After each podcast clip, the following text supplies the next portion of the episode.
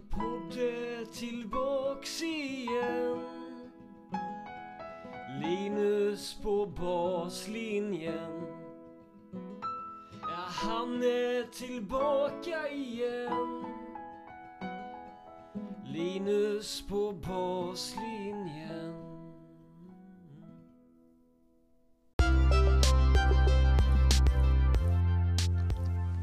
Varmt välkomna till ett nytt avsnitt av Linus på baslinjen podcast och idag så gästas jag av Jonas Arnesen. Jonas Arnesen är Sveriges kanske mest kända och aktiva tennisjournalist eh, sen, ja, jag vet inte, så länge i alla fall jag har eh, varit inom tennisen och jag är 33 år idag och Jonas har hållit på längre än så. Genom sin bevakning av tennis för främst Svenska Dagbladet, men också i egen regi och för andra tidningar så har Arnesen varit en av få som vågat ställa kritiska frågor till ledande personer inom eh, svensk tennis. Arnesen har aldrig tvekat inför att starta en debatt och dragit ett viktigt strå till stacken vad det gäller att göra tennisen mer synlig massmedialt. Tycker i alla fall jag, men det får Jonas svara på själv senare i avsnittet. Idag så bevakar Arnesen inte längre tennisen, men fortsätter sin journalistiska gärning inom andra områden samt coachar aktiva idrottare i, genom mediaträning. I det här avsnittet så pratar vi bland annat om hur Arnesen har resonerat kring att granska tennisen och om att skapa debatten. Har det varit viktigt att vara kritisk? Vi pratar om hur debattklimatet har varit och är inom svensk tennis, ifall rätt person sitter på rätt plats på Svenska Tennisförbundet. Vi pratar om varför Jonas tycker att Mikael Ymer förstör sitt varumärke, hans idé om Svensk Elittennis AB och så får Jonas berätta varför han tror att Magnus Norman skulle vara helt rätt person som sportchef på Tennisförbundet. Ett eh, väldigt öppet avsnitt med högt i tak, så vi kör igång. Jonas Arnesen.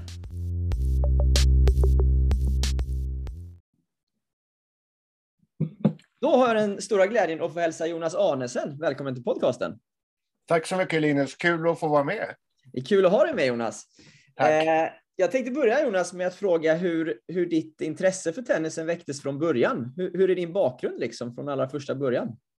Alltså, det var i början på 60-talet ute på Värmdö där vi hade ett sommarställe så fanns det två härliga fina grusbanor där min pappa bland annat spelade och Börje Fornstedt, som en gammal eh, toppspelare, han var tränare där. Jag var väl sex, sex eh, knappt fyllda sju när jag började. Och sen gick det väl något år, sen provspelade jag in på Salk. Man provspelade ju då, gick fram och slog några forehand och backen och de såg hur man rörde sig och var oerhört nervös. Eh, och sen började jag väl i Salk där i, i den åldern och gick i tennisskola och fortsatte sen. Okej, nådde du någon, någon högre nivå eller hur? Nej, jag hade ingen karriär överhuvudtaget. Jag tyckte det var grymt kul att spela. Jag tyckte det var grymt kul att hänga i hallen och surra med kompisar och grymt kul att slå stoppbollar. Och, eh, jag gick någon gång ett par omgångar i skol-SM, junior-SM och sen på somrarna åkte man runt, spelade Falkenberg, Varberg, Båstad där, men absolut inga framgångar. Ja, jag förstår, jag förstår. Eh, hur eh, gick, hur gick det till sen när du liksom började följa tennisen ur ett journalistiskt perspektiv? Då? Hur, hur, hur kom den resan till? Det blev ganska naturligt för att jag visste redan i väldigt unga år att jag skulle bli journalist, sportjournalist eller advokat. Eh, det var det jag valde mellan. Och sen blev det journalist och sen följdes det ganska naturligt där på olika redaktioner jag var på att de märkte att jag hade ett stort kontaktnät inom tennis, att jag kunde sporten hyfsat väl utifrån ett journalistiskt perspektiv. Mm. Så det gav sig självt mer eller mindre. Okej, okay, okej, okay, okej. Okay. Och, och, var det bara tennis i början eller var det andra idrotter du, du också täckte? Så att säga? Från början när jag var började på Nässjö, Nässjö, Smålands Dagblad i Nässjö, det var 79, då var det ju allting. Ja. Det var till och med tipspromenad, pensionärernas tipspromenader de lämnade in resultaten på som man skulle redovisa. Och, nej, men sen var det, det var precis alla sporter, men tennis blev ju sen liksom min specialitet. Och sen var jag på Svenska Dagbladet i 28 år, då var jag ganska ute, då var jag tennis, eh, svenskans tennisreporter. Ja. Eh, och då hade jag det och sen hade jag också under tio år skrev jag hockey och var deras hockeyreporter Eh, sen klev jag av det och sen hade jag tennis och en tjänst som grävande reporter. Och då kunde jag liksom gå in på vilket område som helst och ägna en månad åt något ämne och gräva och försöka få fram sanningar. Just det, just det. För jag tror det var när du var på, på Svenska Dagbladet där som, ja för mig så du, var du tennisjournalisten där när jag växte upp. Eh, okay. ja. eh, men, men, fick du, när, när du jobbade på, säg på Svenskan där, var du, fick du välja vad du skulle skriva om då? Fick du välja ja. ämnen? Och helt ja. Mm. Det fick, alltså, jag fick ju välja, sen bestämde jag inte att det där skulle in i tidningen, utan jag fick ju liksom presentera det för sportchefen. Ja. Att det här har, här har jag en nyhet, här har jag tycker ett intressant, eh, en intressant intervju och så vidare. Och han var så öppen så det föll ofta i god jord. Sen är det klart att någon gång sa han väl, nej det där håller inte och så. Nej, jag förstår. Jag förstår. Eh, du har ju under åren Jonas, liksom, om vi kopplar det till tennis då, eh, varit en av, en av få personer, upplever jag, som som eh, verkligen vågat säga vad du tycker när det gäller svensk tennis och, och stundtals varit kontroversiell eh, med en del åsikter. Har det varit viktigt för dig att, att våga sticka ut och ha tydliga åsikter i frågor? Ja, det har, alltså, det har inte varit viktigt att vara kontroversiell för, för sakens egen skull, absolut inte. Men däremot har det varit viktigt, tycker jag, att belysa saker det är inte bara smeka medhårs och, eller rapportera vad som har hänt utan också ibland kunna gå bakom kulisserna och se vad det är som händer där och varför blev det så här. Och, eh, och då uttrycka en åsikt. Och det är ju så när det är åsikter, det finns ju liksom inget rätt eller fel. Utan jag hade min åsikt och sen hade andra sin och liksom full respekt för det. Mm. Eh, så, så jag tycker att den där den där rollen, eller som du säger, det uttrycket kontroversiell, ja, så har jag ju absolut uppfattats, men jag tycker det, det faller mindre tillbaka på mig än på det generella debattklimatet som finns i svensk tennis. Mm. Vad, vad har du för tankar kring det? Tycker du att det är lågt i tak eller? Ja, det är oerhört lågt i tak i, i svensk tennis. Det är det. Jag har inte följt någon idrott där det, har, där det har varit så lågt i tak och där alla ska stryka varandra med ett hårs och klappa varandra på axeln och säga att allt är bra. Och det, det är liksom förödande.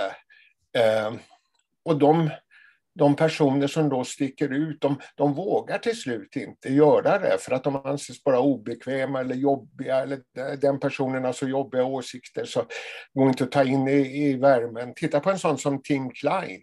Mm. Tränaren som coachen som var så oerhört framgångsrik men som var rak och tydlig och sa vad han tyckte. Han tog sig aldrig in i de fina kulisserna. Nej. De tittade, de fnyste åt honom, de schalerade ju honom. Just för att han inte var den här bara som tyckte att allt var bra. Och det, det är ju oerhört beklagligt. Det finns fler exempel än, än Tim. Ja. Vad, vad tror du beror på då? Är, är man rädda för kritik eller? Ja, oerhört kritikkänsliga i, i svensk tennis. Eh, och vad det beror på, det, det är väl någonting nästan som finns, det är olika kulturer i olika idrotter. Vilken oerhörd skillnad det är på hockey och fotboll till exempel när det gäller tillgång till spelare för, för media. Och ja. I tennis finns det den här kulturen att det, det ska bara... Det var ju en snobbsport från början, en överklassport. Och i den mån lever det här kvar när det gäller attityden bland ledare och sånt mycket tycker jag. Naturligtvis inte på alla nivåer, men det finns det finns en rädsla att kritisera, eller det finns en rädsla att säga vad de tycker. Mm. För att inte få jobbet man vill ha sen då? Liksom, eller för ja, att, för att, att inte få jobbet, för att inte bli vald in där eller för att inte, för att just det där kanske för att just för att anses lite obekväm, jobbig. Ja, just det. Och det behövs jobbiga typer. Ja, ja, det är jätteviktigt i en rörelse att det finns jobbiga typer som inte följer med strömmen utan säger vad de tycker. Och får de personerna sen, de jobbiga typerna, får de några stycken med sig och, så att det kan bli liksom grupper, dynamik i grupper mellan varandra. Mm. Då höjs debattklimatet. Man vågar säga vad man tycker, man diskuterar det och sen går man därifrån. Ömsesidig respekt. Mm. Och det är där jag menar, där måste debattklimatet höjas så att man får in det här att det är inte fel, eller det är inte konstigt, det är inte anmärkningsvärt att folk tycker olika. Det är ju liksom normalt. Ja. Hur, hur ska man göra för att förändra det då? Är det någon specifiks ansvar eller är det allas ansvar att Eller hur, hur gör man för att ändra en sån kultur? Alltså det är ju det är ju allas ansvar naturligtvis och var och en får ju gå till sig själv och mm. säga, är det, det här tycker jag, men den, gruppen tycker inte det. Men är det värt för mig att säga att jag inte tycker som gruppen gör? Mm. Det får liksom vara upp till var och en. Jag förstår att det är väldigt bekvämt att bara följa med strömmen och säga att allt är bra och klappa varandra på axeln, men det är ingen väg till att få svensk tennis tillbaka på kartan, det är det inte. Nej. Har det, har det liksom varit ibland, Jonas, när du har skrivit krönikor eller, eller eh, artiklar, att du, du tagit den mer kontroversiella åsikten för att skapa en debatt? Nej. Nej, som sagt, jag har inte, inte tagit den därför, utan har jag haft en åsikt har jag däremot inte varit, har jag inte vad ska man säga, duk, vad heter det, duckat för att framföra den. Så skulle jag mer vilja säga. Jag har inte skapat debatt för debattens egen skull. Nej, okej. Okay, okay. ibland, ibland, ibland, kan man annars tänka att journalister, liksom, om jag vill ha en rubrik som är lite smaskig liksom, för att få alltså, uppmärksamhet. Men så har, du inte, så har det inte varit. Jo, när man väl har någonting, ett ämne, så vill man ju ha en smaskig rubrik så man känner här kan man ändå ge ett frö så att det kan bli en diskussion. Men jag menar, det kommer senare. Det blir inte så att jag sitter och tänker hur ska det här, hur ska det här bli debatt kring? Okay. Jag måste först ha en åsikt som kommer inifrån mig. Ja, och fortfarande, det finns ing, jag säger absolut inte att jag har haft rätt i mina åsikter. Jag har haft säkert lika många gånger fel som jag har haft rätt, men det har fortfarande varit mina åsikter och jag står för dem. Ja, jag förstår. Jag förstår. Eh, hur, eh, hur har liksom du upplevt att, att eh, ledande personer har tagit när du har granskat eller när du har framfört kritik? Har det liksom blivit sura miner tillbaka eller har det blivit en liksom, konstruktiv diskussion? Eller vad, hur har det bemötts? Liksom? väldigt olika, vilket naturligtvis handlar mycket om personkemi. Mm. Det handlar om kanske vad de har för grundsyn på mig från början, vad jag har för grundsyn på dem. Så att det mm. har ju varit, det finns ju folk fortfarande som går omvägar när de ser mig om man träffas på Kungliga eller någonting liksom. Eh, som aldrig skulle kunna tänka sig att morsa. Eh, och så finns det andra som till exempel Stefan Dahl, vi hade ju under flera år väldigt hårda kontroverser. Det var ju när han var misstänkt för ekonomisk brottslighet och jag tyckte han skulle avgå eller åtminstone ta time-out. Ja. Eh, senare blev han ju frikänd eh, och vi hade något uppträde i samband med Davis Cup-matchen mot Israel i Malmö när det var demonstrationer. Och jag tyckte att förbundet la sig platt mot demonstranterna och han var så arg, så, så utskälld har jag aldrig blivit i pressrummet. Han satt nog en halv meter ifrån mig och liksom spottet eh, yrde in i mitt ansikte och han skrek och han skrek. Eh, och idag har vi en jättefin relation. Vi har varit ute och käkat middag och lunch och sånt här och trevligt. Och det tycker jag visar storheten hos Stefan Dahlbo, att han, han kunde skilja mellan sak och person. Just det. Eh, Just det. Och sen finns det andra som är precis tvärtom, som, som inte ens skulle vilja ta en diskussion med mig. Som jag har frågat om de vill ställa upp på intervjuer. Och, ja. eh, de, de, säger då, nej men du vrider det bara till din fördel. Nej, men jag spelar ju in på band. Allt finns på band. Ja. Det du säger kommer ut. Eh, och de vill ändå inte. Och då tycker jag att då ska man inte ha någon befattning i svensk tennis eller överhuvudtaget någon befattning där man har med media att göra. Nej, nej. Men har du generellt upplevt att de flesta ändå ställer upp när du har bett dem om intervjuer? Eller? Ja, ja. det gör jag. Det, mm. det är ett fåtal som har, eh, om jag säger vägrat kanske, men tacka, sagt nej, bestämt nej. Okej, okay, okej, okay, okay. du, du, du, nämnde här liksom eh, Dalbo och, och Israel-matchen. Eh, vilka andra, liksom, kommer du ihåg några andra händelser som har stuckit ut som du känt att här har det liksom blivit mycket debatt under åren?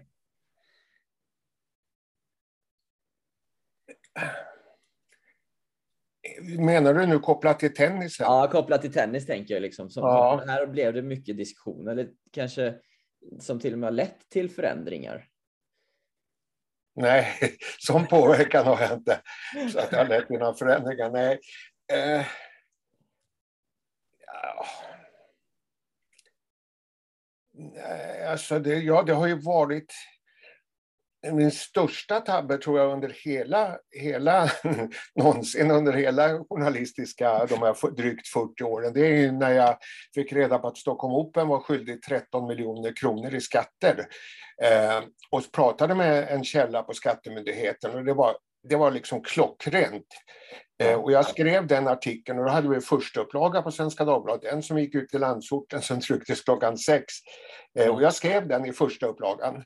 Sen gick jag och pratade med Sören Rung då, som var ordförande i Stockholm Open eh, AB inför Stockholmsupplagan så sa jag det, ja du, ni är skyldiga 13 miljoner kronor så här och jag skriver en artikel om det. Jaha, sa han, så det var inte så bra. För då har vi, de här pengarna har vi satt in på ett, ett villkorat aktieägartillskott. Och du vet, jag blev darrig och jag blev svettig. Jag sprang och ringde tidningen och sa lyft ur artikeln, lyft ur artikeln. Ja. Och det gjorde de. Eh, och, men den, den, hade ju gått till landsortsupplagan så den citerades i tv och radio, Expressen och alla. Och då visste jag att nu är det ju sparken. Eh, men det blev det inte, men det blev, en väldigt skarp eh, reprimand från Bomben, heter han av någon anledning, som är vår chefredaktör. Sen visade det sig då att de, det var ju det som... Alltså, då ringde jag killen på Skattemyndigheten dagen efter och sa du det här stämde ju inte. De har ju satt in de här pengarna på det här sättet. Ja. Bara så, ja, men det var ju det som var fel. Det är det de inte får göra. De är skyldiga 13 miljoner kronor. Så grejen var rätt från början. Men jag var så dåligt påläst så att jag köpte vad Sören Rung sa. Och det blev en minnesbeta. Jonas, kolla, kolla, kolla. Gå mm. inte in naken till en intervju nästa gång, utan var påklädd så att du kan bemöta mm. svar. Det var en otroligt viktig okay. minnesbeta. Ja, jag förstår. Ja, fascinerande alltså, verkligen. Eh, just det. Du, eh, om det här med liksom, eh, du, du sa det liksom att den gick i tryck tidningen, eh, vad sa du, klockan sex? I text, ja. ja. Alltså, jag tänker att det journalistiska yrket har ju förändrats under åren som du har varit aktiv. Eh, det, till exempel, den grejen hade troligtvis legat digitalt eh, liksom mycket tidigare än så idag. Eh, hur har, du, hur har du hängt med i den utvecklingen Jonas? Hur har du fått förändra sättet du har bevakat eh, idrotterna på till exempel? Eller inte bara idrott utan journalistiskt överlag? Faktiskt har det inte blivit så väldigt stor skillnad, för i och med att vi hade två upplagor på svenskan, en klockan sex och en klockan tio eller elva, så jobbade man nästan alltid mot deadline. Så man skrev väldigt snabbt. Var man på hockey så satt man och skrev under matchen och man tryckte på knappen när det var slutsignal eh, sände iväg texten bara för att den skulle hinna med då i Stockholmsupplagan om det var en kvällsmatch. Mm. Så så tillvida har det inte förändrats. Nu jobbar man ju liksom direkt ut på nätet, så det egentligen har varit egentligen sam Det var en rätt enkel omställning så mm. tillvida, mm. tycker okay. jag. Okay. Eh, det, det, är en ständig fråga lite grann så här, liksom hur tennisen ska göra för att synas mer i media, hur man ska få mer uppmärksamhet. Eh, varför tror du att det inte är större intresse kring tennisen medialt idag än vad det är? Har det bara med resultat att göra eller? Ja, mm. det, är, det är ju resultaten det har, har att göra med. Jag menar, skulle Rebecca Petersson gå och, och ta en titel, och vi såg när hon var framme, det, liksom, det följer med, då kommer helt plötsligt uppmärksamheten igen. Bara mm. när, när Elias Ymer 2015 kvalade in till samtliga fyra Grand Slam så var det ju helsidor i, i tidningarna. Så, så tillvida har ju tennisen ur medial synpunkt ett ganska tacksamt läge nu. Ingen förväntar sig någonting.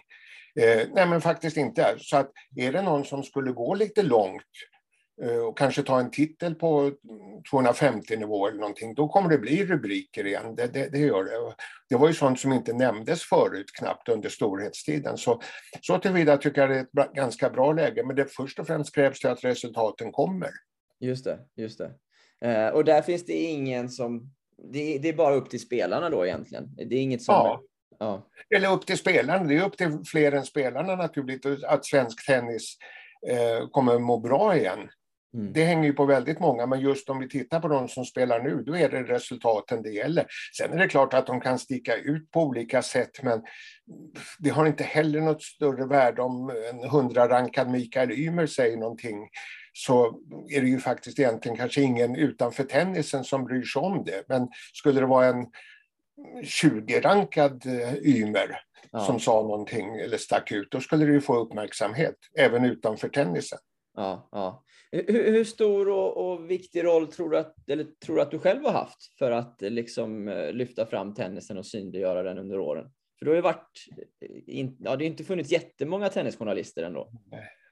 Men det, nej, min, min roll ska absolut inte överskattas på något sätt och ingen annan journalist heller förutom Björn Hellbergs. För Björn Hellberg han lyfte ju ut tennisen i det allmänna rummet så att säga i kulturlivet och i frågesportprogram på tv så han har gjort oerhört stor nytta och är så intimt förknippat med, med tennis. Vi andra journalister som har jobbat, vi har väl gjort ett visst avtryck inom tennisen under en relativt kort tidsperiod. Så eh, hade inte jag skrivit tennis på Svenska Dagbladet så hade någon annan gjort det. Liksom. Så att nej, den ska vi inte överdriva, Linus. Ja, fast jag tänker att det, det, du har ju säkert pushat att få skriva om tennis lite grann i stunder. Alltså, eh, så här, jag, jag har ju själv suttit i något pressrum någon gång när det bara har varit du som har ställt frågor. Så här, då har jag tänkt, utan, utan Jonas här skulle du knappt ha ställts en fråga. Nej, så, så tillvida kanske att jag har tagit ibland, om det inte har kommit frågor, att jag har försökt, inte minst av respekt för spelaren eller den som har suttit där framme, att, att ställa frågor så inte den känner sig och kommit dit helt i onödan, men också naturligtvis för att försöka få igång andra och få igång snacket. Eh, men åter, hade inte jag gjort det så hade säkert någon annan, annan gjort det. Ja, ja kanske. Ja. Hur, hur, hur, bra tycker du att våra bästa spelare idag är på att skapa ett intresse runt sig själva?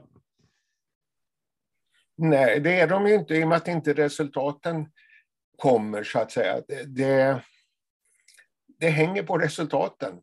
Ja. Och då, därför blir det ju inte så bra i och med att de inte har några större framgångar, eller några framgångar att tala om. Och, och sen jag tror att om de skulle göra någonting att försöka marknadsföra sig på det eller det sättet, det skulle märkas inom tennisen, men det skulle inte nå ut ändå på något sätt, tror jag. Tror du inte det? Nej. Men jag tänker att en, en, en, en spelare på lite lägre nivå kan ju ändå sticka ut lite genom att profilera sig eller att synas extra mycket. Fast det är att det inte slår ut ändå liksom. Nej, men vi kan väl hoppas på Dragos Madras då, att han knäcker några racket och blir diskvalificerad eller rycker ner någon domare från domarstolen. För då skulle han ju få en helsida i Expressen och Aftonbladet, garanterat. Ja, Om han ryckte ner en domare och skällde ut eh, honom. Eller det kan räcka med att krossa fem racketar och bli för att få stor uppmärksamhet. Men frågan är om det är den uppmärksamhet tennisen vill ha och det är det ju inte. Nej. Eh, Men visst, så går det att profilera sig på ett sådant sätt som ger liksom de här klicken, skandalrubrikerna som ger, ger klick. Just det, just det, just det. Annars så får väl tennisen, eh, jag ska inte säga alltid, men det, det har blivit lite rubriker till exempel när Micke Ymer har tackat nej till att vara med i divers tävlingar och, och, och jag vet ju också på, på sina sociala medier så har han ju ibland liksom stuckit ut lite med, med vissa ja, inlägg och så. Va, vad tänker du kring Micke Ymer till exempel? Och att han inte har varit med på svensk mark alltid? Ja, när du säger att det blev rubriker om det så tittade jag i tidningen. Jag saknade rubriker om det. Jag tycker, Ja, det är helt, alltså jag tycker det är helt otroligt att han inte blev hårt kritiserad. Jag är oerhört förvånad att inte Åsa Hedin, ordföranden i Tennisförbundet, eller generalsekreteraren Christer Sjö går ut och sågar Micke jäms med fotknölarna över att inte spela Stockholm Open. Och jag menar som i Båstad, där kom han till slut till spel och var låg han rankad? 70 eller 80, skulle få ett wildcard. Mm. Hur ofta händer det att ett wildcard begär startpengar till en tävling? Pete Sampras fick det när han kom till Stockholm ett år på wildcard, men då, då var han världsetta och han kom bara för att han skulle försöka behålla sin eh, första plats året ut. Det är klart att han fick en, en påse pengar, men Micke Ymer ligga 80 i världen och begära startpengar på hemmaplan eh, på ett wildcard, det, det, liksom, det finns inte. Nej, nej. Så du, du tycker att han borde fått mer skit för det? Ja, eller skit. Han ska inte ha skit, han ska ha kritik. Folk måste våga tala om det de säger om Micke Ymer i kulisserna och bakom ryggen på honom. Måste någon våga gå fram och säga till honom i ögonen. Liksom. Och jag gillar Micke, det måste jag säga. Jag tycker han är en skön, han är en avslappnad eh, lirare med glimten i ögat. Så han har så otroligt mycket gott i sig och han har en otrolig potential att bli ett stort föredöme för unga svenska tennisungdomar. Men han blir ju inte det. Nej. Han blir ju, det är som Nick Kyrgios ungefär, fast han då är en bet, långt bättre spelare. Han är ingen föredöme för ungdomar, utan vad Micke Ymer, det tycker jag är beklagligt, han håller ju på att förstöra sitt varumärke helt. Ja. På det ja, sättet han... Vad skulle, du, vad skulle du råda honom till då? Eller hur, vad ska han göra då? Spela tävlingarna eller? Ja, dels kan han ju spela tävlingarna naturligtvis på hemmaplan. Det är självklart. Man kan inte åka och spela en Challenger samtidigt som, som det är en eh, ATP-tävling på hemmaplan. Det, det är, det är så dåligt och det är respektlöst mot svensk tennis och det är respektlöst mot alla i svensk tennis som under åren har hjälpt honom på olika sätt och vis. Mm. Eh, han behöver väl egentligen bara komma tillbaka till verkligheten. Mm. Istället för att leva i det blå och tro att han är någon annan än den han är. Han är en talangfull, väldigt duktig spelare. Mm. Eh, har massa positiva egenskaper. Ta vara på dem. Träna hårt. Skaffa en röd linje i ditt upplägg med tränare och med agenter runt omkring. Alltså, vad ska man sammanfatta det ett ord? Mogna, Micke. Ja, ja. Eh, tycker du att det är du nämnde här Åsa Hedin, ordförande, och Christer Sjö, generalsekreterare. Eh, är det deras uppgift att säga till Micke då, tycker du? Ja, det tycker jag. De är ju liksom, nu är det ju i och för sig eh, tävlingar, privata tävlingar som inte lyder under Svenska Tennisförbundet, men Micke har fått så mycket stöd under åren från Svenska Tennisförbundet så att eh, sen kan man alltid fråga hur mycket ska en spelare ge tillbaka, men eh, man ska spela på hemmaplan och där måste de kunna kliva in tillsammans med andra naturligtvis och, och, och kritisera honom. Eller mm. åtminstone sätta sig med honom öga mot öga och tala om vad de tycker. Mm. Inte prata bakom ryggen på honom. Nej. Eh, när du säger det, liksom hur mycket man ska ge tillbaka och så. Nu, nu senast för några veckor sedan så var det ju Fed Cup eller Billie Jean King Cup eh, i mm. Antalya när Sverige spelade och då tackade ju både Rebecca Petersson och Miriam Björklund nej till spel mm. Eh, och, och, och, med ja, av fysiska anledningar som, som kanske var lite luddigt också. Tycker du att man har ett ansvar att ställa upp även i de lagsammanhangen eller? Jag tycker alltid man har ett ansvar att ställa upp i, i landslaget om man inte har fysiska problem eller har en skada som kan förvärras. Eller till exempel kan ju vara en spelare som har varit borta under väldigt lång tid och så lägger upp ett schema för att komma tillbaka på rankingen och anser då att Fed Cup eller Davis Cup ligger väldigt illa i tiden. Mm. Då tycker att landslagsledningen måste ha, ha förståelse för det. Mm. Eh, och när det gäller Rebecca och Miriam där så måste jag säga att det där har inte jag den insynen så att jag kan säga vad det beror på. Så att Nej. jag har liksom inte minsta fog att kritisera eller ens ha en åsikt om, om det. Nej, jag förstår. Jag förstår. Eh, jag tror Jonas, jag kan ju ha fel här, men, men har du coachat lite idrottare i mediaträning under åren eller? Ja, det har jag gjort. Eller inte under året, utan de senaste två åren har jag gjort det. Dock okay. inte många tennisspelare, några stycken. Okay. Det har varit mer andra idrotter som jag har jobbat med. Hur går det till? Vad, vad, vad säger du då? alltså det är väldigt olika. Det beror ju på om det en idrottare på hög internationell nivå så är det ju helt annat än att prata med en 14-åring. Pratar man med en 13, 14-åring, 15-åring, då handlar det ju mest om hur de ska marknadsföra sig, sitt varumärke på sociala medier, vad de ska vara försiktiga med, hur de ska uttrycka sig och sånt, sånt, sånt som de kan säga till sina kompisar, det kan de inte twittra om helt plötsligt. Eh, och när det gäller internationella idrottare eller på, på hög nivå så då är det ju lite annat. Då, då ska de ju profilera sig genom att förtydliga sina styrkor. Om den styrkan sen är en blyghet som ska finnas kvar mm. eller om det är en kaxighet som kanske ska förstärkas lite utan att någon, någon tycker att det blir kaxigt utan mer ser det som ett härligt självförtroende. Det är liksom upp till varje individ som man jobbar med. Det märker man ganska tydligt hur de är. Just det. Just det. Hur, hur mycket liksom, eh, hur mycket åsikter ska en idrottare uttrycka tycker du? Om sin idrott väldigt mycket. I Ja. övrigt kanske de ska vara lite försiktiga. Eh, säga med, samtidigt som jag tycker att folk alltid ska säga vad de tycker. Men jag menar då just för sin egen skull. Ska idrottare kanske vara lite försiktiga när det gäller politiska åsikter eller eh, sånt. Det, Okej. det tror jag. Men, men, men bara för sin egen skull. Just det, just det. Eh, hänger du med mycket på sociala medier Jonas, eller? Ja, det gör jag. Mm. Det, det, det gör jag. Ja, är det Twitter och Facebook och eller vad, vad finns det? Framförallt Facebook och så Twitter. Eh, ja. Just det.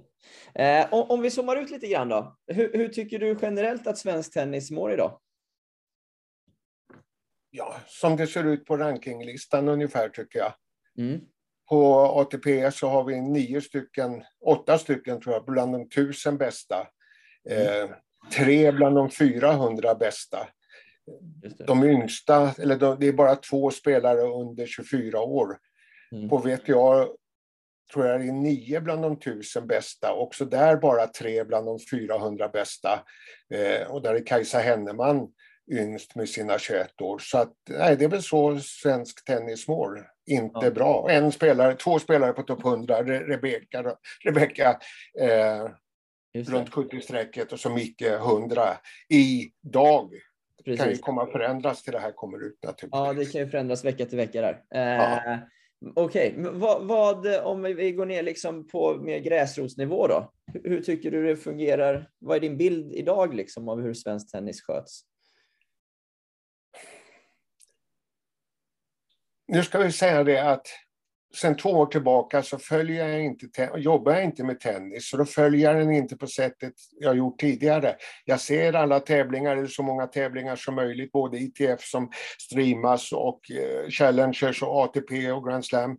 Det gör jag, men i och med att jag inte ser det som händer bakom kulisserna och vet vad som görs, så har jag inte en lika klar bild som jag hade tidigare när jag jobbade med tennis. Men det jag ser så är det ju det jag ser och det jag hör, i och med att jag har ju många kontakter kvar inom, eller har många kontakter inom tennis och jag pratar med dem och ja, det ser inte, det ser helt enkelt inte bra ut. Det- Det ser inte så bra ut som det framställs i alla fall. På, på vilket sätt då tänker du? Det händer, det händer ingenting.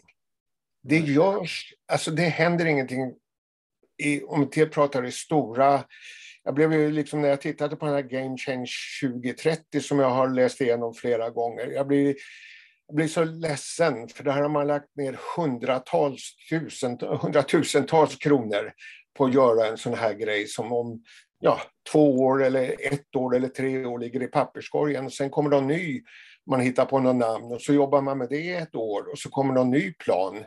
Det måste finnas en röd tråd i svensk tennis, det måste det ha. Men den här, det här är ju en skrivbordsprodukt. Jag vet inte hur många, under mina 40 år, jag vet inte hur många sådana jag har sett. Och alla har jublat när de har kommit och sen har de legat i papperskorgen. Sen har alla jublat över nästa. Och det kan bli annorlunda den här gången, men det skulle förvåna oerhört om, om det där ger något resultat överhuvudtaget. Det, det, det tvivlar jag på. För det ska väl vara den röda tråden tänker jag? Eller det är väl tanken att den Ja, planen ska vara i alla fall? Och så kan man, det är, en röd tråd måste finnas och den röda tråden måste ju vara så spunnen så att det finns resurser, kunskap och erfarenhet så att man kan följa den röda tråden. Annars är den ju helt meningslös att bara dra upp en röd tråd som alla vet, nej men det här det har vi inte pengar till, det har vi inte kompetens till, erfarenhet till. Och så Nej. är fallet här tycker jag. Det, Tror du inte att det finns kompetens för att kunna slutföra det här menar du? nej, det, det, det är jag övertygad om att det inte finns. Okej. På vilka platser då? min stora käpphäst genom alla år och är fortfarande, det är ju faktiskt Svenska Tennisförbundet och Svenska Tennisförbundets styrelse, den, den högsta organisationen. Det är där det brister. Runt om i landet, det finns väldigt många bra tränare. Sen är det som med alla andra yrken, det finns bra tränare, dåliga tränare, det finns tränare som bara tittar på klockan för de vill gå hem. Men det finns väldigt många bra tränare, det görs mycket bra arbete ute i klubbarna. Det finns tennistalanger, unga tennistalanger. Mm. Men det är inte det är väl ingen som tänker sig att en klubb ska ta in en sjuåring och fostra den till att bli ATP eller VTA-spelare vid 18, 19, 20, 21, 22 års ålder. Det finns ingen möjlighet, det finns inte den ekonomi i klubbarna. Och skulle mm. någon klubb försöka sig på det, då skulle man ju få lägga ner all annan verksamhet för att satsa just på den killen eller den tjejen. Mm. Eh, så att Svenska Tennisförbundet har ingen tydlig elitsatsning, fungerande elitsatsning. Och det måste till. Mm. Från tidiga år, från 13, 12, 13, 14, 15 år och uppåt så måste unga talanger få hjälp att resa ut, bland annat resa ut. De behöver en helt annan hjälp än vad de får idag. Men du, tänker, du tänker som ett nationellt center då, lite grann, eller? Nej, jag tänker ett nytt förbund, inom situation, citat, eh, ett Svensk Tennis Elit, Svensk Elittennis AB, ett aktiebolag. Eh, sen kan Svenska Tennisförbundet, för de gör jättemycket bra på breddnivå och de kan dela ut förtjänsttecken på årsmöten och, och ha sina möten och, och, prata om forskning och allting som, som jag inte förringar, för det, det är jätteviktigt. Men överlåta elittennisen till ett fristående aktiebolag som då inte är beroende av RF. RF lägger ju de lägger en våt filt över all svensk elitidrott egentligen och inte minst inom, inom svensk tennis. Det är bara att titta på, på svensk tennis-slogan där, en sport för livet, för hela livet. Ja. Det, är ju, det måste vara RF-folk som har skrivit den för att de som börjar spela tennis, de fortsätter ju hela livet om man inte blir skadad. Ja. Så det är en helt meningslös, intetsägande ska jag säga, slogan. Eh, men fick du då ett... Det finns otroligt mycket personer som har, har det gott ställt som är väldigt tennisintresserade. Kunde du få de personerna att gå samman i ett sånt här aktiebolag eh, där de pumpar in massor med miljoner, för det behövs åtskilligt mycket, väldigt mycket pengar. Plockade ut team i olika åldersgrupper, tillsatte en utav Sveriges bästa tränare på varje, i varje grupp, mm. satsade på dem. Mm. Då tror jag att vi skulle få resultat. Och då menar jag att då skulle man gå in redan vid tidig ålder, 13, 14, 15 och sen följa dem. Mm.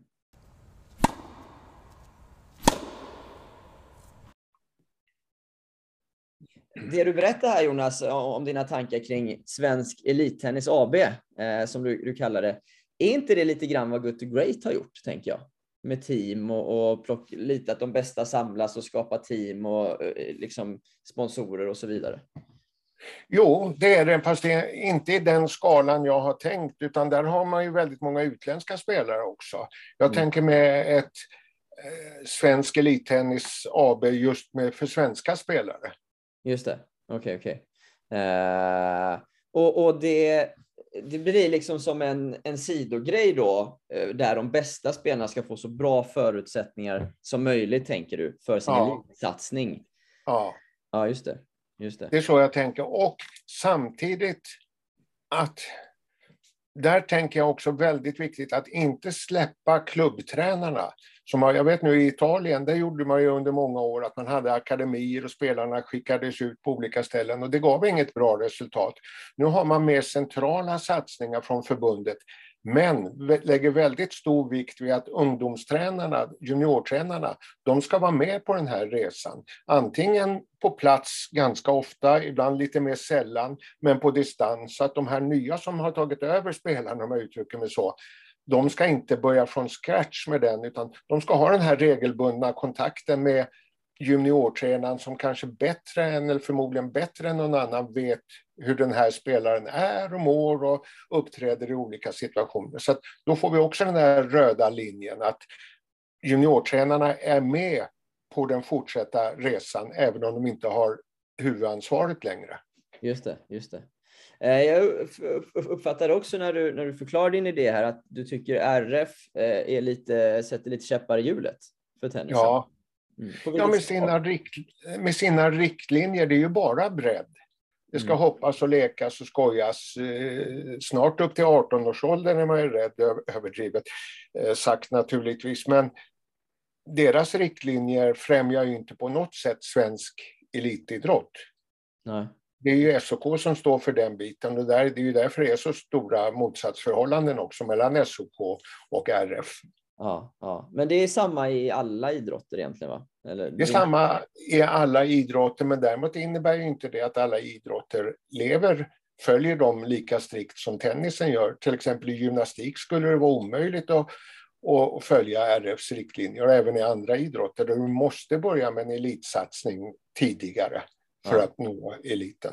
Och det märker vi även i tennisen. Och nu säger inte jag, och jag menar inte den här specialiseringen att den ska börja för tidigt, för den är av ondo, men att du måste göra en elitsatsning tidigt, det, det råder ingen tvekan om, tycker Mm. jag. Så du tycker tennisen, eller svensk tennis, har varit lite för mesiga med att man har valt att följa den till punkt och pricka? RFs Ja. riktlinjer då, eller? Absolut, det tycker jag. Och det tycker jag man märker också när man pratar ofta med folk. Liksom, RF säger det här och det är RFB. Och man är ju väldigt beroende av RF-bidrag, så därför förstår jag att man är ett beroendeförhållande till dem. Men man måste också kunna prata med RF och säga att vi vet era riktlinjer, men sorry, titta hur det ser ut internationellt i vår sport. Så här ser det ut.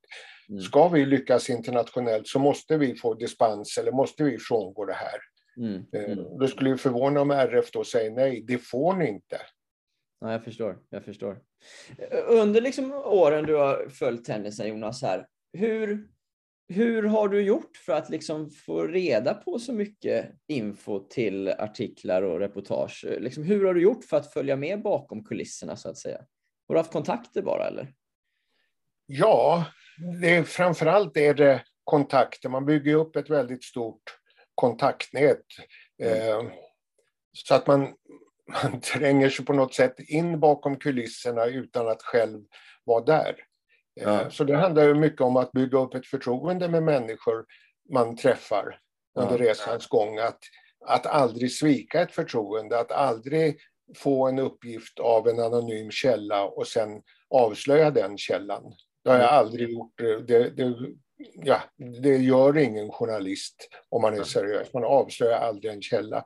För då, ja, då, då röjer du inte bara en person utan du, du skadar också dig själv väldigt mycket och du skadar andra. Just det. Ja.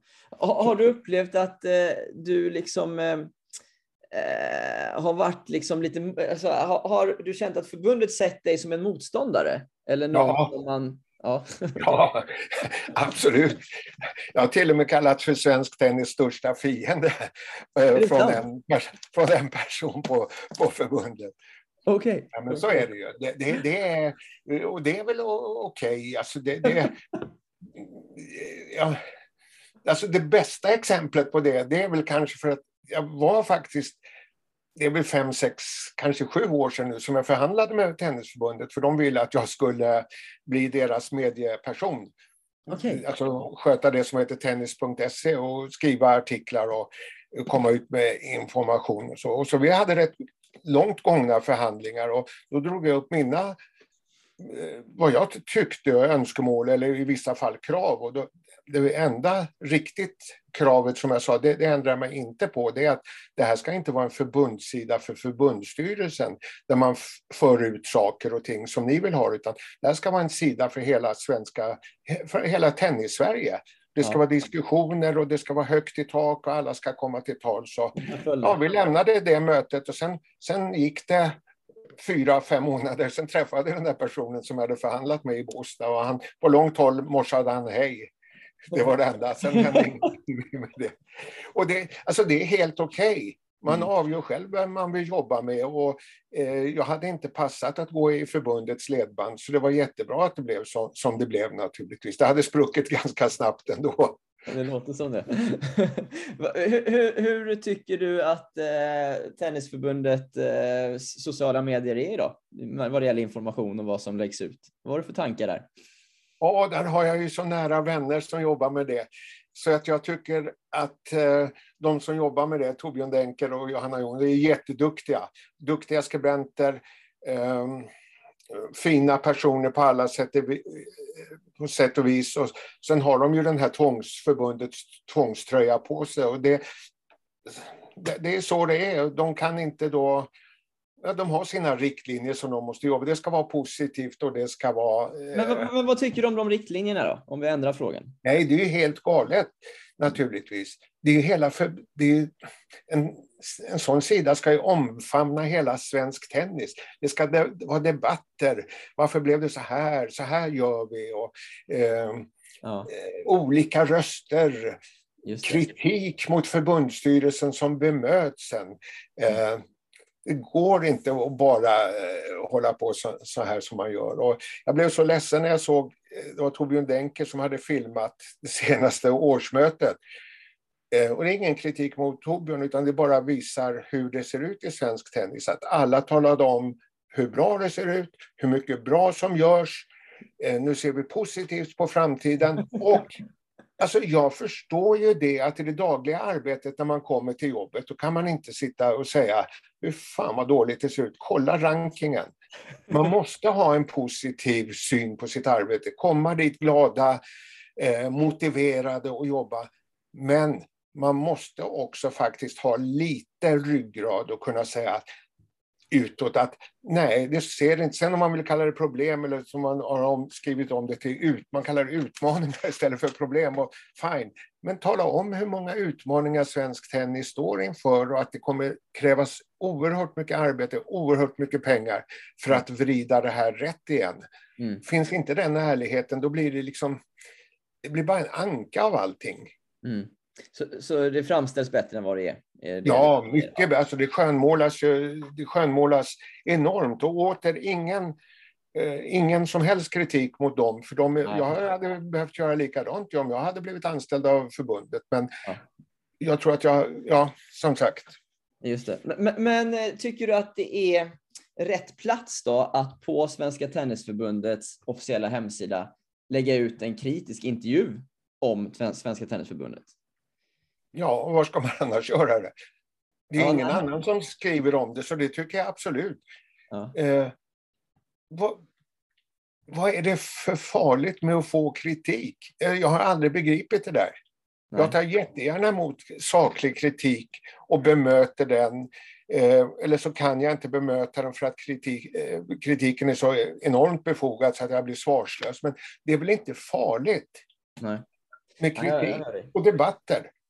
Ja, jag är med. Det- Vad, vad, vad tycker du har gjorts bra då från förbundets håll de senaste åren? Måste jag svara på det idag? ja, gärna.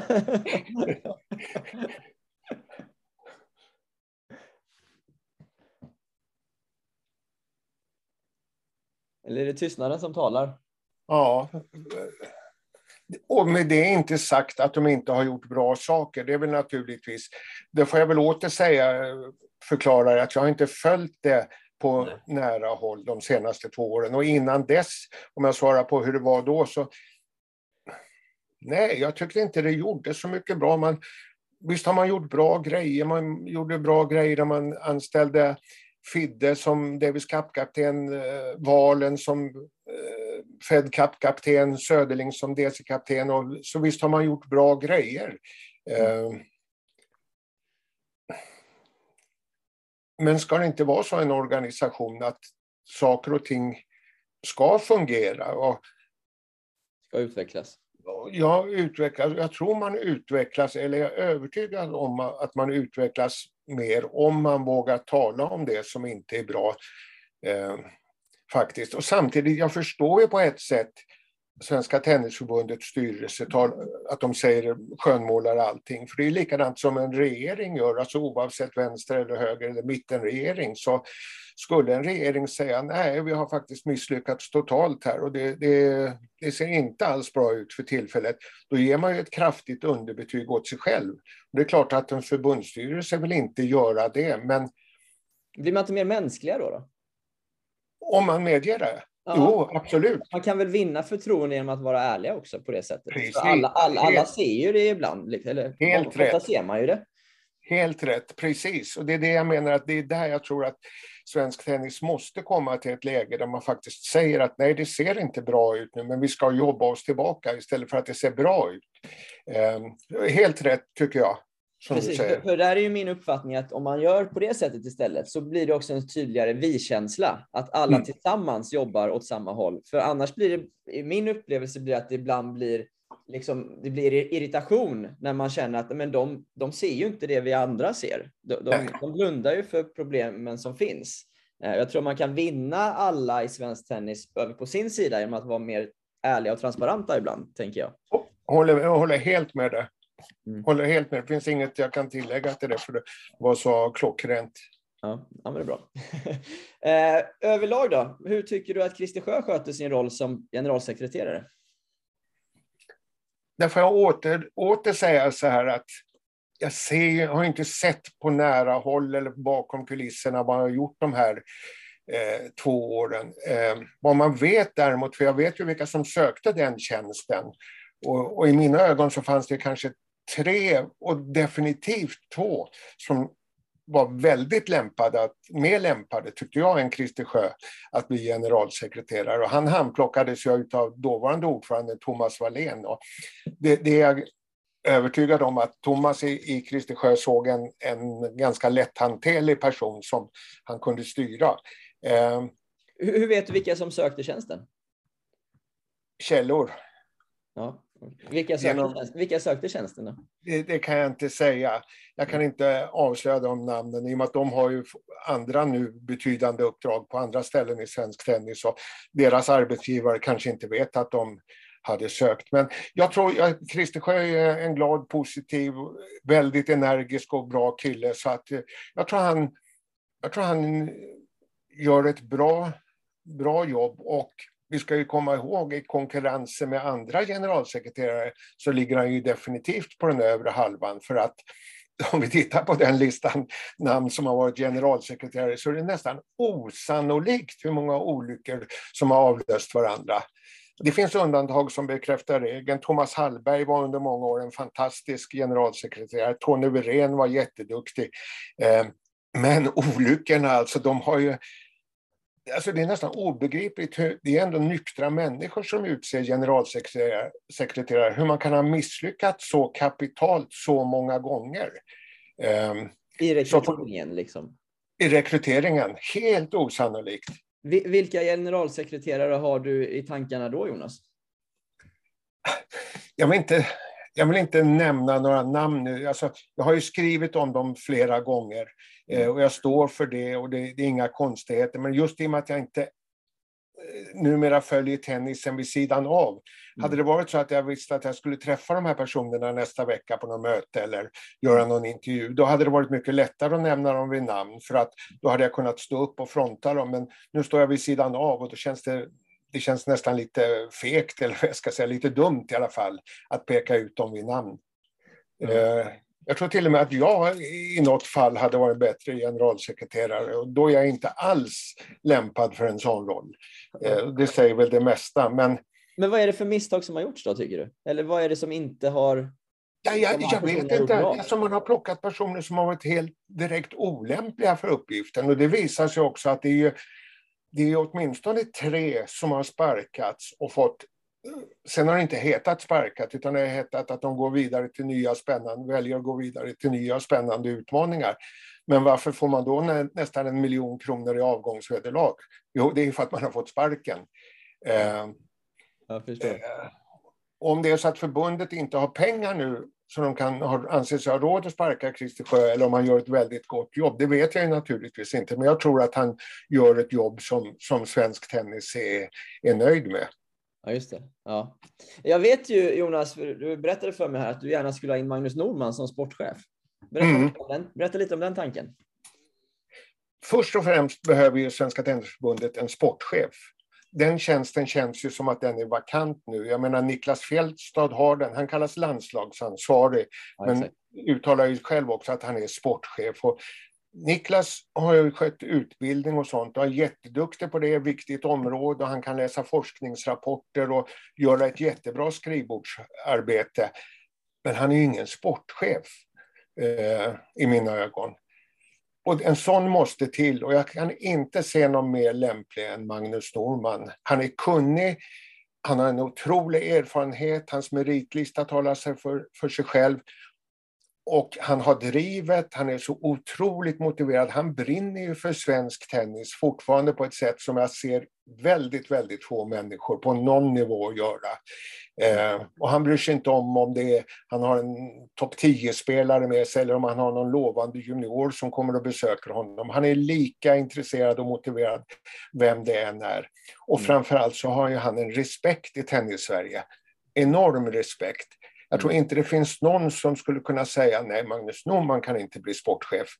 Mm. Eh, nej. I, i ja, det, den personen får räcka upp handen och säga i så fall vad det är för fel med det förslaget. Men sen är naturligtvis kan inte Magnus Norman själv vända på den här negativa trenden som svensk tennis är. Han behöver resurser. Mm. Eh, det hänger väl lite ihop det här som jag pratade med Svensk Elittennis AB. Mm helst av allt skulle han ju bli sportchef i en sån satsning där det finns resurser, där det finns pengar, där han kan handplocka sina tränare.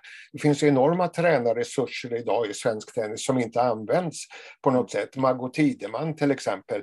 Um, Uh, fler med honom. Mm. Svensk tennis har ju många tränare som faktiskt har fört fram som dels har kommit fram själva som, som spelare till världsnivå, men tränare som fört fram spelare till världsnivå. Mm. Och de tränarna måste på något sätt tas tillvara. Eh, med det menar jag inte att de helt ska styra över en spelare eller en satsning, utan i, i samråd med den mm. spelarnas juniortränare eller juniorledare. Men du menar att Norman är bra i den här rollen för att han eh, har kunskapen om vad som krävs för att ta spelare till touren då? Eller? Eller vad är det han kan tillföra som inte, eh, som inte Fjällstad kan tillföra idag? Allt. Han kan blåsa liv i den här organisationen på ett sätt som han skulle kunna komma in och folk skulle lyssna på honom direkt. Och Magnus är hård och krävande. Han var ju precis så var han ju som spelare också mot sig själv. Oerhört tuff och krävande mot sig själv och, och slet ju som ett djur på träningarna. Eh, och få in den här fighter-mentaliteten jag har ju sett Magnus Norman när han är i olika tränarsituationer. Det kanske står en spelare och tränar med en eh, annan tränare på banan. Mm. Och det är en viss jargong. Och så kommer Magnus Norman i närheten. Det blir helt annorlunda. Så det är en... Både tränaren och spelaren snäppar upp ett steg. De skärper till sig. Ja. Det, det, ja, jag, jag är... Det, det, låter Jonas som att du har ganska stort förtroende för de här eh, liksom, tortränarna och före detta spelarna. Du nämnde Norman här, du nämnde Margot Tideman, Fidde Rosengren. Eh, du, du har stor tillit till dem? Ja, och det är tack vare vad jag har sett vad de har gjort. Sen naturligtvis finns det väldigt många, som jag sa, det finns väldigt många bra klubbtränare som gör ett jättebra jobb i tennisskolor och uppåt där, som inte jag ser på, på det sättet, i och med att de inte har nått eh, de resultaten. Jag vet till exempel Kungligas akademi är väldigt framgångsrik och är väldigt duktig, eller framgångsrik på att plocka fram spelare på juniornivå. Rickard Billing och, och eh, Magnus där gör ju ett jättebra jättebra jobb, det är inget snack. Och det finns i andra klubbar också. Men mm.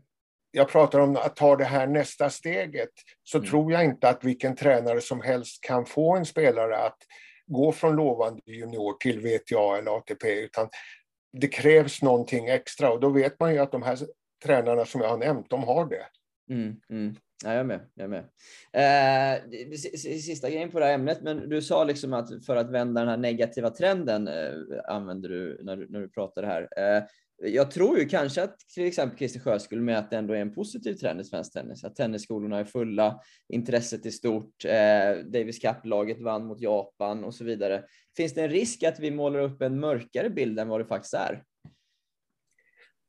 Nej, jag, jag håller med. Jag tror också Christer Sjö skulle måla upp en väldigt positiv bild av hur det ser ut idag. Eh, och det är det jag menar, det kanske man inte ska göra när det inte ser så positivt ut. Sen att tennisskolorna är fyllda, det är jättebra. Eh, Davis Cup är bra. Framgångar på ITF-framgångar ska vi också glädja oss åt. Spelarna som, för det är ju faktiskt där flertalet proffs kommer att ha sin vardag mm. under karriären. Det är ju på ITF-touren. Det är klart att allting sånt ska glädja, men nu tittar jag mer på eliten, den internationella eliten, att Sverige ska kunna komma tillbaka dit. Mm. Det är där jag det är där jag har mycket tankar kring. Sen är det jättebra med det här ett, ett ökande tennisintresse och att det gick upp under pandemin. Och, um, och det är en härlig idrott och det finns mycket, oerhört mycket positivt med svensk tennis. Ja, jag med. Varför slutade du bevaka tennis primärt för ett tag sedan? Jag trodde du skulle fråga varför jag slutade spela. det kan vi ta sen. det är två år sedan. Det beror, faktiskt inte, det beror ju på mig själv, indirekt på mig själv, men det beror inte på ett bristande intresse från min sida. Jag var jättesugen på ett, ett långtgående, lite större uppdrag för tennis. Tennisförbundet whatsoever med, med ömsesidig respekt för varandras roller. Men, men intresset från, från tennisens sida fanns inte. Så det, det blev inga förfrågningar. Eh, och det är helt fine. Jag menar, alla avgör vem de... Jag säger nej till vissa som jag inte vill jobba med och att tennisen inte vill jobba med mig, det är väl absolut ingenting som jag kan ha har anledning att vara bitter över. Absolut inte. Nej. Vad, vad gör du istället idag, Jonas? Nu jobbar jag främst inom politik och inom näringsliv med medial träning och medial strategi som det heter, hur man lägger upp eh, ja, strategin, hur, hur man vill framstå i media, både på riksnivå och på lokalnivå. Mm. Och så jobbar jag en del med en del idrottare. Okej, okay. genom att mediaträna dem? Ja. Just det. Just det. Eh, du, du, nämnde att du, du, jobbar en del med, med politik. Eh, ibland mm. är det en fråga där, liksom så här, ifall idrott och politik hör ihop. Gör du det? Det hänger väldigt nära ihop. Tänk vad konstigt det skulle vara om sport inte var politik. Eh, precis som allt är ju politik. Allt i samhället är ju politik. Och genom åren har vi ju sett hur nära förknippad idrott och politik är. Jag menar, vi hade apartheidregimen som föll i Sydafrika det är inte tack vare idrotten, men det hjälpte naturligtvis till att sydafrikanska idrottare inte var välkomna, att ingen fick tävla i Sydafrika. Och vi har massa andra exempel. Och vi ser hur hemskt IOK använder politiken som vapen när man lägger ett OS i en diktatur som Kina. Och det är av rent politiskt syfte naturligtvis. Det finns inga idrottsliga grund för att lägga en, ett OS i en, en diktatur. Nej, nej. Fotbolls-VM i Qatar är ett annat exempel, OS i, Ryssland. Eh, så det, är absolut ja, politik. Just det. Jag vet inte om det rör det ämnet, men eh, här om veckan så gick ju Wimbledon ut med att ryska och vitryska spelare inte får delta i årets eh, upplaga. Vad är din mm. take på det? Det, där tycker jag det är fel. Idrott och politik hör ihop, men du ska inte bestraffa enskilda idrottare på det här sättet. Du kan inte helt plötsligt, varför ska du stänga av dem? Jag menar, Sverige och västvärlden köper gas från Ryssland fortfarande. Det finns ryska diplomater kvar i Sverige, eller spioner då. Eh, varför ska de vara kvar? Varför ska idrottare inte få spela? Och i tennisen, det är ju faktiskt lite annorlunda tycker jag än i vissa andra idrotter där du till exempel har medaljligor. Tar en skidskytt, en rysk skidskytt, ett guld, då kommer det upp på Ryssland i medaljligan. Så är det ju inte i tennis. Här är det ju mer att de vilket land de spelar för, eller de spelar inte för något men vilket land de kommer ifrån är mer en information att han är ryss, han är svensk och så vidare. Mm. Eh, Mm. Men jag tycker man ska stänga av dem från OS, VM, EM och allting sånt. Man ska stänga av landslag som representerar sitt land, men inte enskilda idrottare ska inte drabbas. Det, det, det tycker jag är helt fel. Ja, jag förstår. Jag förstår. Eh, Jonas, eh, vi, vi har ju pratat mycket om att du bevakar tennisen eh, i, liksom i många år. Vad, vad tänker du om eh, andra liksom, medier som har bevakat tennis genom åren, kanske nu på slutet? För, för, hur följer du tennis idag till exempel? Eh, eller vilka journalister är det du har sett upp till eller vänder dig till för att få information? Fortfarande under två, senaste två åren så gör jag inte det så mycket. Jag nöjer mig med att se tävlingarna och, och se. Eh, innan dess läste jag och såg jag det mesta liksom som fanns och skrevs med bloggar och, och olika. Men, men eh, eh det, det, skrivs, tidningarna skriver inte om det idag och i den mån det skrivs så är det oftast om saker som att Kyrgios har gjort det eller sagt det eller eh, hånat den eller den och det intresserar inte mig. Men liksom analyser om, tennis saknas ju i gammelmedia som man kallar det, eller mainstream media. Just det, just det. Men vilka, om man, man kan gå utanför tennisen också, vilka, vilka förebilder har du haft i din yrkesroll annars? Har, har det varit, funnits journalister eller reportrar som du har sett upp till eh, som någon form av ja, role models? Ja, absolut. Och det är väl kanske främst, får jag väl säga, Sune Sylvén som var på Svenska Dagbladet, som skrev tennis under väldigt många år.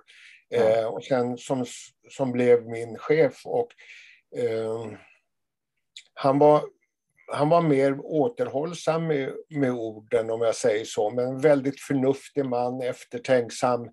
Eh, klo, en klok man. Och vi fick in någon slags SvD-anda där tycker jag, där man, som var... Vi tog idrotten verkligen på allvar och försökte analysera idrotten, försökte granska idrotten på ett professionellt sätt. Idag, journalistiken har ju tyvärr havererat i och med att det är den här klickjournalistiken nu. Det, det ska vara någon som hånar den andra eller gör det och det, för då kan tidningarna sätta, snabbt gå ut med det och så får massor med klick och så får de annonsörer. Så att den här mer reflekterande journalistiken, den tycker inte jag finns så, så väldigt mycket idag överhuvudtaget. Jag menar inte bara inom idrott, eh, tennis, utan inom politik och allting. Ja.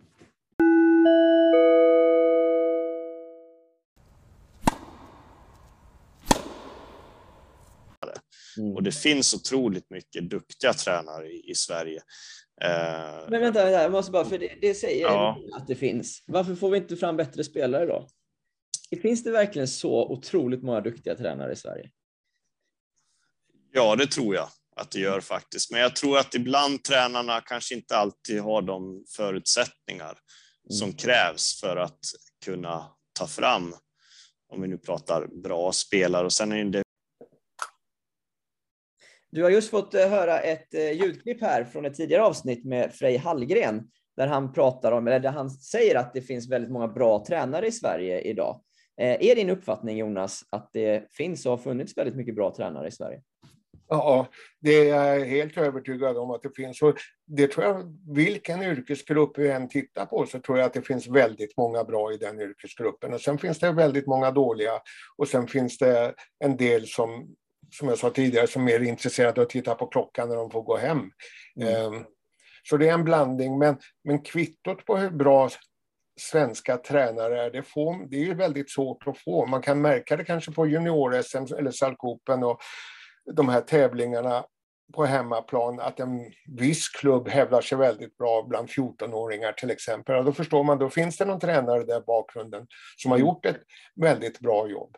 Mm. Men för att få ett riktigt kvitto på hur bra svenska tränarkåren är så krävs ju att talangerna som har kommit fram får det här stödet att fortsätta utvecklas så att det kan bli en bra slutprodukt internationellt. Och så länge det inte finns kompetens och resurser för att skjuta till det mm. så, så ja, då stannar ju de flesta spelare vid att vara väldigt bra i svensk tennis på hemmaplan i inrikes vid ja. 15-16 års ålder. Ja. Uh, och att det, att det finns en risk då att många av våra bästa, om vi pratar tortränarna till exempel, som, som du varit inne på här, att de tränar utländska spelare då före ja. att träna svenska spelare. Uh, ja. Och att det blir en negativ trend då i svensk tennis. Är, är ja. ja, alltså det blir det ju naturligt. Det handlar ju om resurser. Liksom mm. Har du en utländsk spelare som ligger topp 8 så kan ju den avlöna en, en tränare med helt andra pengar än, än vad en svensk junior kan. Ja, naturligtvis. Just det, just det, just det. Där, men, där, men, ja. Nej, men där, tycker jag, där tycker jag kanske att, att Good to Great har varit en positiv del av svensk tennis, för där har de ju stundtals i alla fall samlat lite, lite av de här mer profilerade tränarna eh, och kanske mycket tack vare eh, liksom externa finansiärer eh, och, och skapa team och, och skickat iväg tränare med spelare. Eh, Absolut. Så, där tycker jag de har varit positiva, Good to Great, på, på flera sätt håller med fullständigt, absolut. Ja. Men sen när det gäller den där tränarbiten, så en intressant grej också lite så här, så tog ju förbundet för några år sedan ett jättebra initiativ för att man plockade då ut ett antal som man såg lovande svenska tränare, kanske lite yngre, som jobbade på klubbnivå. Mm. Och så skulle de få mentorer i form av gamla tränare som hade nått en nivå. Men det där föll ihop, det hände ju ingenting sen. Jag vet i alla fall fyra eller fem eh, av de här äldre mentorerna som nej, det, det rann ut i sanden. Sen mm. om hela projektet rann ut i sanden eller om de är eh, undantag som, som bekräftar regeln att det fungerar bra fortfarande, det vet jag inte. Men det var en sån här sak som jag tyckte lät väldigt, väldigt bra. Ja, ja, men det har varit lite diskuterat. Jag tror många, många håller med om att det var positivt, men, men att det, det funkar inte helt ändå. Vilket var synd, för jag tror många, som du säger, många, många gillar initiativet och, ja. och, det skulle nog behövas att ett sådant initiativ lever vidare, tror jag.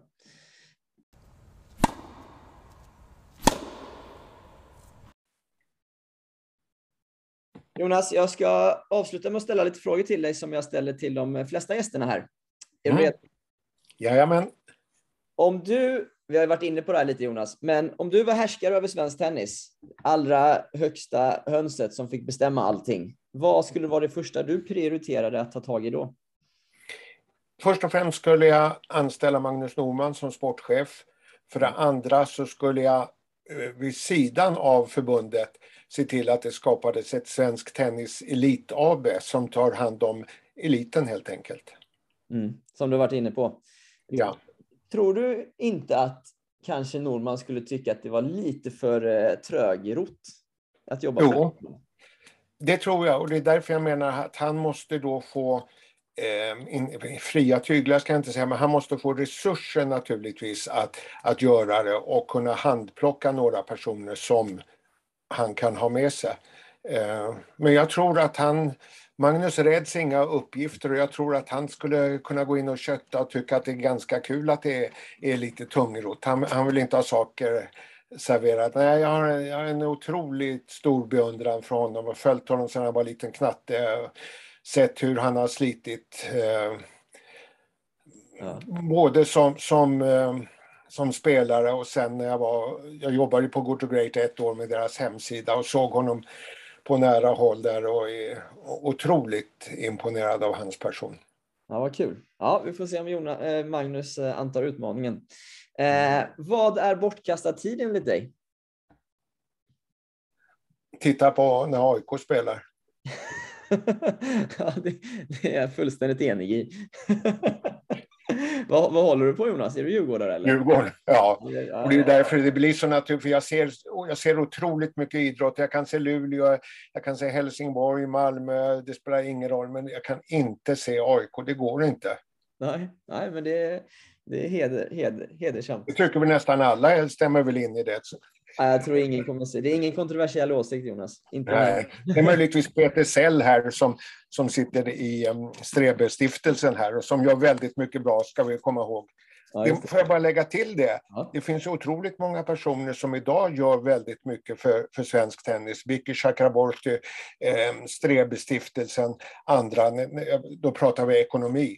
Ja, eh, som gör väldigt mycket. Och bröderna Paulsson kan inte alla de här snacka ihop sig, Christer Gardell och alla andra som har bra fett på kontona, kan inte de snacka ihop sig mm. Eh, och bilda det här Tennis Elit AB och se till att få fart på verksamheten? Ja, ja det... Sorry, det var en liten extra passus där. Ja, men när du gjorde ett litet sidospår där så gör jag också det. Ja. DB-stiftelsen eh, som gör ett fantastiskt jobb och delar ut stipendier till, till stipendiater varje år. Eh, tycker du ofta att de valen har varit eh, rimliga? I vilka stipend till vilka stipendierna går? Ja, det tycker jag väl i regel. Sen har man väl missat några. Jag tror inte Miriam Björklund till exempel har funnits med. Jag ska, ska vara osäker på det, men jag är inte hundra på att hon har, hon har fått det. Men eh, Ymer kanske har fått någon gång för mycket. Mm. Eh, kommit då på en nivå där andra skulle behöva pengarna bättre och så vidare. Men rent generellt tror jag att de har en jättebra koll på vilka som, som ska ha det. Just det. Jag har ibland funderat lite på de här eh, olika stipendierna som finns, ifall det är rimligt, eh, om man ska ta med i beaktande vilken, vilka ekonomiska förutsättningar spelarna redan har. Ibland så går ju stipendier till spelare man känner att det hade kanske inte riktigt behövts här. Tycker du att man ska ta med det i beräkningen? Ja, det, det, tycker jag faktiskt att man ska göra. Mm. Eh, för har en spelare redan bra resurser mm. så har ju den då resurserna att göra sin satsning medan en spelare som som inte har, behöver pengarna bättre. Det, det, tycker jag, om man ska kalla det ett rättviseperspektiv eller inte, det vet jag inte. Men det skulle väl gynna svensk tennis i så fall, för då blir det ju två istället för en som, får, som kan satsa.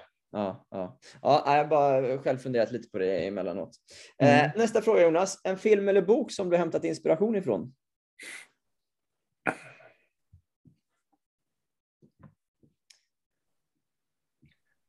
En film eller bok som har... Ser du på film och läser böcker? Ja, framförallt läser jag väldigt mycket böcker, eller lyssnar på böcker, mm. eh, ska jag säga. Just det. Är det någon du kan rekommendera? Ja, alltså... Jag är så dålig, det får man ju skylla faktiskt på åldern, att man tappar ju namn. Man kan ju se filmer, man känner igen den där skådespelaren, så säger man, vad fasen var det han var med i förut? Det var den där. Så sitter frugan och jag så kommer vi ändå inte på det. Nej, jag, jag faktiskt, för, för, som jag har hämtat inspiration ifrån, nej. Uh, och det låter väl förmodligen jäkligt kaxigt eller förmätet, men det, nej, jag kommer inte på någon på rak arm, det måste jag ärligt talat säga. Nej. Det är bättre tror jag än istället för att jag hittar på ett namn. Ja, just det. Just det. Ja, vi får passa på den då. Ja, sorry. Eh, vad har du ändrat uppfattning om den senaste tiden? Jag har ändrat uppfattning om tidningen L, som jag trodde var ett modemagasin, okay. men som helt plötsligt blev en allvarlig politisk aktör när man portade Ebba Busch från sin Elgala därför att hon hade uttryckt sig på ett sätt som jag tyckte var olämpligt.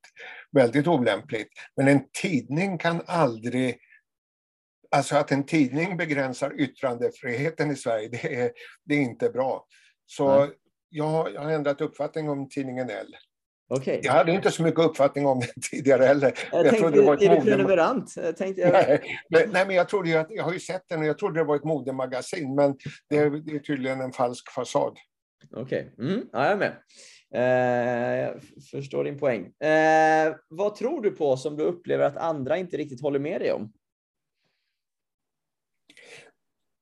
Som jag tror, inte kanske på, men jag tror inte att, vi, att Sverige kommer att ha demokrati om 50 år.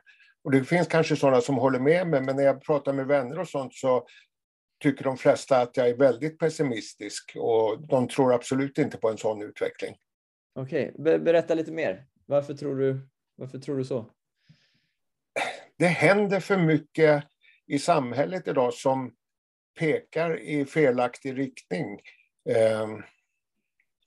På, på många sätt. Och vi har väldigt många nya människor som har kommit till oss sedan 2015 med en annan kultur, med en annan syn på demokrati, eh, som inte riktigt fullt ut respekterar demokratin. Och det såg vi bland annat här under påskupploppen. Och sådana personer och vänster, vänsterextremister, högerextremister och religiösa extremister börjar få lite för stort inflytande och då måste samhället stå, stå emot och därför blev jag jätteorolig när Centerledaren Annie Lööf häromdagen sa att man måste kunna begränsa, man ska inte ha demonstrationer i utsatta områden och man ska inte ha den under muslimska högtider. Då ska det inte kunna demonstreras. Och går vi den vägen, då kommer ju någon eh, nästa gång säga nej, det ska inte vara någon Pridefestival i Stockholm. Eh, nej, det ska inte, Feministiskt initiativ får inte demonstrera då och då. Eh, så att det, det, nej, den börjar naggas i kanten den här eh, yttrandefriheten och mötesfriheten och det tror jag kan gå väldigt snabbt och det kan ju leda till ett inbördeskrig på, på sikt där demokratin står på spel. Men jag tror att det kanske går på något annat sätt att fler och fler friheter eh, beskärs och begränsas så att det till slut mm. Eh, demokratin eh, förlorad. Och det är bra med det, som jag säger, 50 år, för då är jag död. Så det är ingen som vet vem jag var och det är ingen, ännu mindre någon som vet vad jag har sagt. Så att det går inte att kolla upp det och säga, titta där fick du fel. Ja, just det. Jag fick du fel igen Jonas. Ja, det är bra. Jag förstår, jag förstår. Uh, ja, jag är med Jonas. Uh, jag ska inte ge mig in i en politisk diskussion för jag är för okunnig kring det. Men uh, ja, vi, vi, får se helt enkelt. Ja. slutligen, vill du rekommendera någonting? Till? Ja, till de som lyssnar, vad som helst. Allt från, ja, kanske inte en, en film då, för det kommer du inte på någon, men till ja, vad som helst. Något att rekommendera det blir ett väldigt slitet uttryck som därmed som jag därför behöver motivera lite, att ta tillvara på nuet. Eh, jag är 68 år och fyllde det i april. Jag var 40 i förrgår. Mm. Och för någon vecka sedan var jag 30. Och det, ja, ett par månader sedan jag var 20. Och det vill jag säga till alla ungdomar, liksom att lev nu och ta vara på det, för det här livet alltså, det går så grymt snabbt och du kan inte tänka dig hur snabbt det går. Du kommer snart vara 68 så du hinner knappt blinka.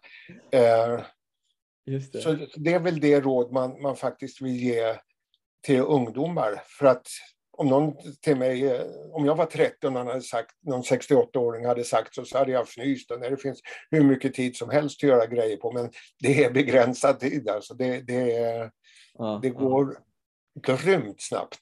Hur tar du tillvara på, på livet idag, Jonas? Vad, vad, vad gör du för att maximera det? Jag jobbar. Jag älskar att jobba. Jag tycker det är grymt kul att jobba. Jag kan aldrig se mig själv sluta jobba. Det, hade jag haft ett fysiskt arbete, då hade det varit något annat. Men det här är ju det är bara en glädje att få jobba och träffa människor som inom politiken vill förändra samhället eller vill bevara samhället. Idrottare som är sugna på att nå någonting, mm. vilket mål det än är. Mm. Träffa unga människor som spirar av livsoptimism. Och att arbeta och vara aktiv, det är det jag tycker är absolut roligast. Jag brinner för det faktiskt. En dag när jag går upp och känner att jag inte har något arbete att göra eller det är väl lite en egogrej också, att man vill känna sig behövd kanske. Så kan det mycket väl vara, men jag försöker, det säger min fru att det är, du behövs, du måste ha bekräftelse. Så det, det ligger nog en del i det. Men jag tror ännu mer att jag vill vara aktiv. Och sen har vi ett barnbarn på åtta år som, som är livets... När jag är med honom den veckan, då jobbar jag faktiskt inte. Då är det helt avstängt jobbet och mobilen. Då, då är det bara han som gäller. Så att, nej, jag har jättemycket, jag har jättekul liv och fantastiska eh, dagar liksom. Så att känns som jag är mitt i livet fast jag är i slutet av det. Ja, ja nej, det tror jag inte, men eh, ja, jag förstår vad du menar. Eh, Jonas, det har varit superkul att prata med dig. Eh, ja. Tack så jättemycket för att du tog dig tid och, och delade med dig av din erfarenhet.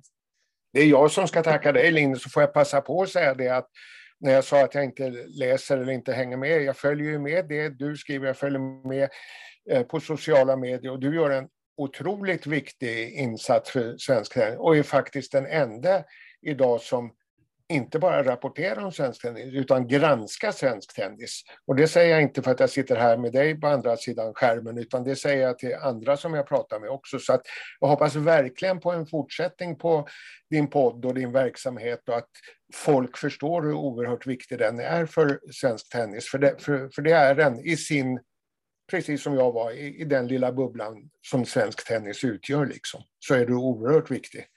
Ja, det var snällt sagt Jonas. Eh, jag tror att, eh, inte att jag behöver göra det, men jag tror ju precis som, som jag tror drev dig lite grann, att det behövs nog någon som ställer lite frågor ibland, eh, som inte bara stryker medhårs kanske. Och att det behöver ju inte vara att man vill, man vill ju inte svensk tennis illa för det, utan man vill ju bara att det ska bli en utveckling, att det ska leda framåt. Men tvärtom, mm. det är ju för att man älskar svensk tennis. Exakt. Som man, som man gör det.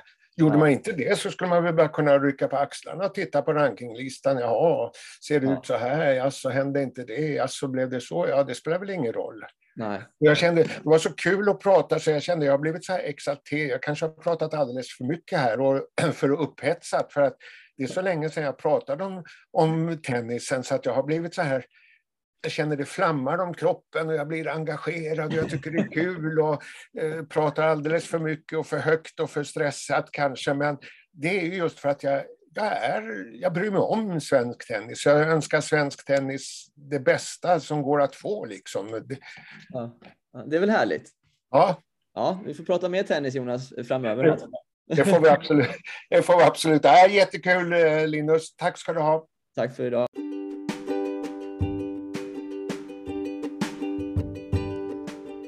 Visst är det uppfriskande med en person som verkligen säger vad han tycker eller hon tycker. Eh, och det har Jonas verkligen gjort under de åren som i alla fall jag har eh, eh, följt svensk tennis eller varit involverad i svensk tennis.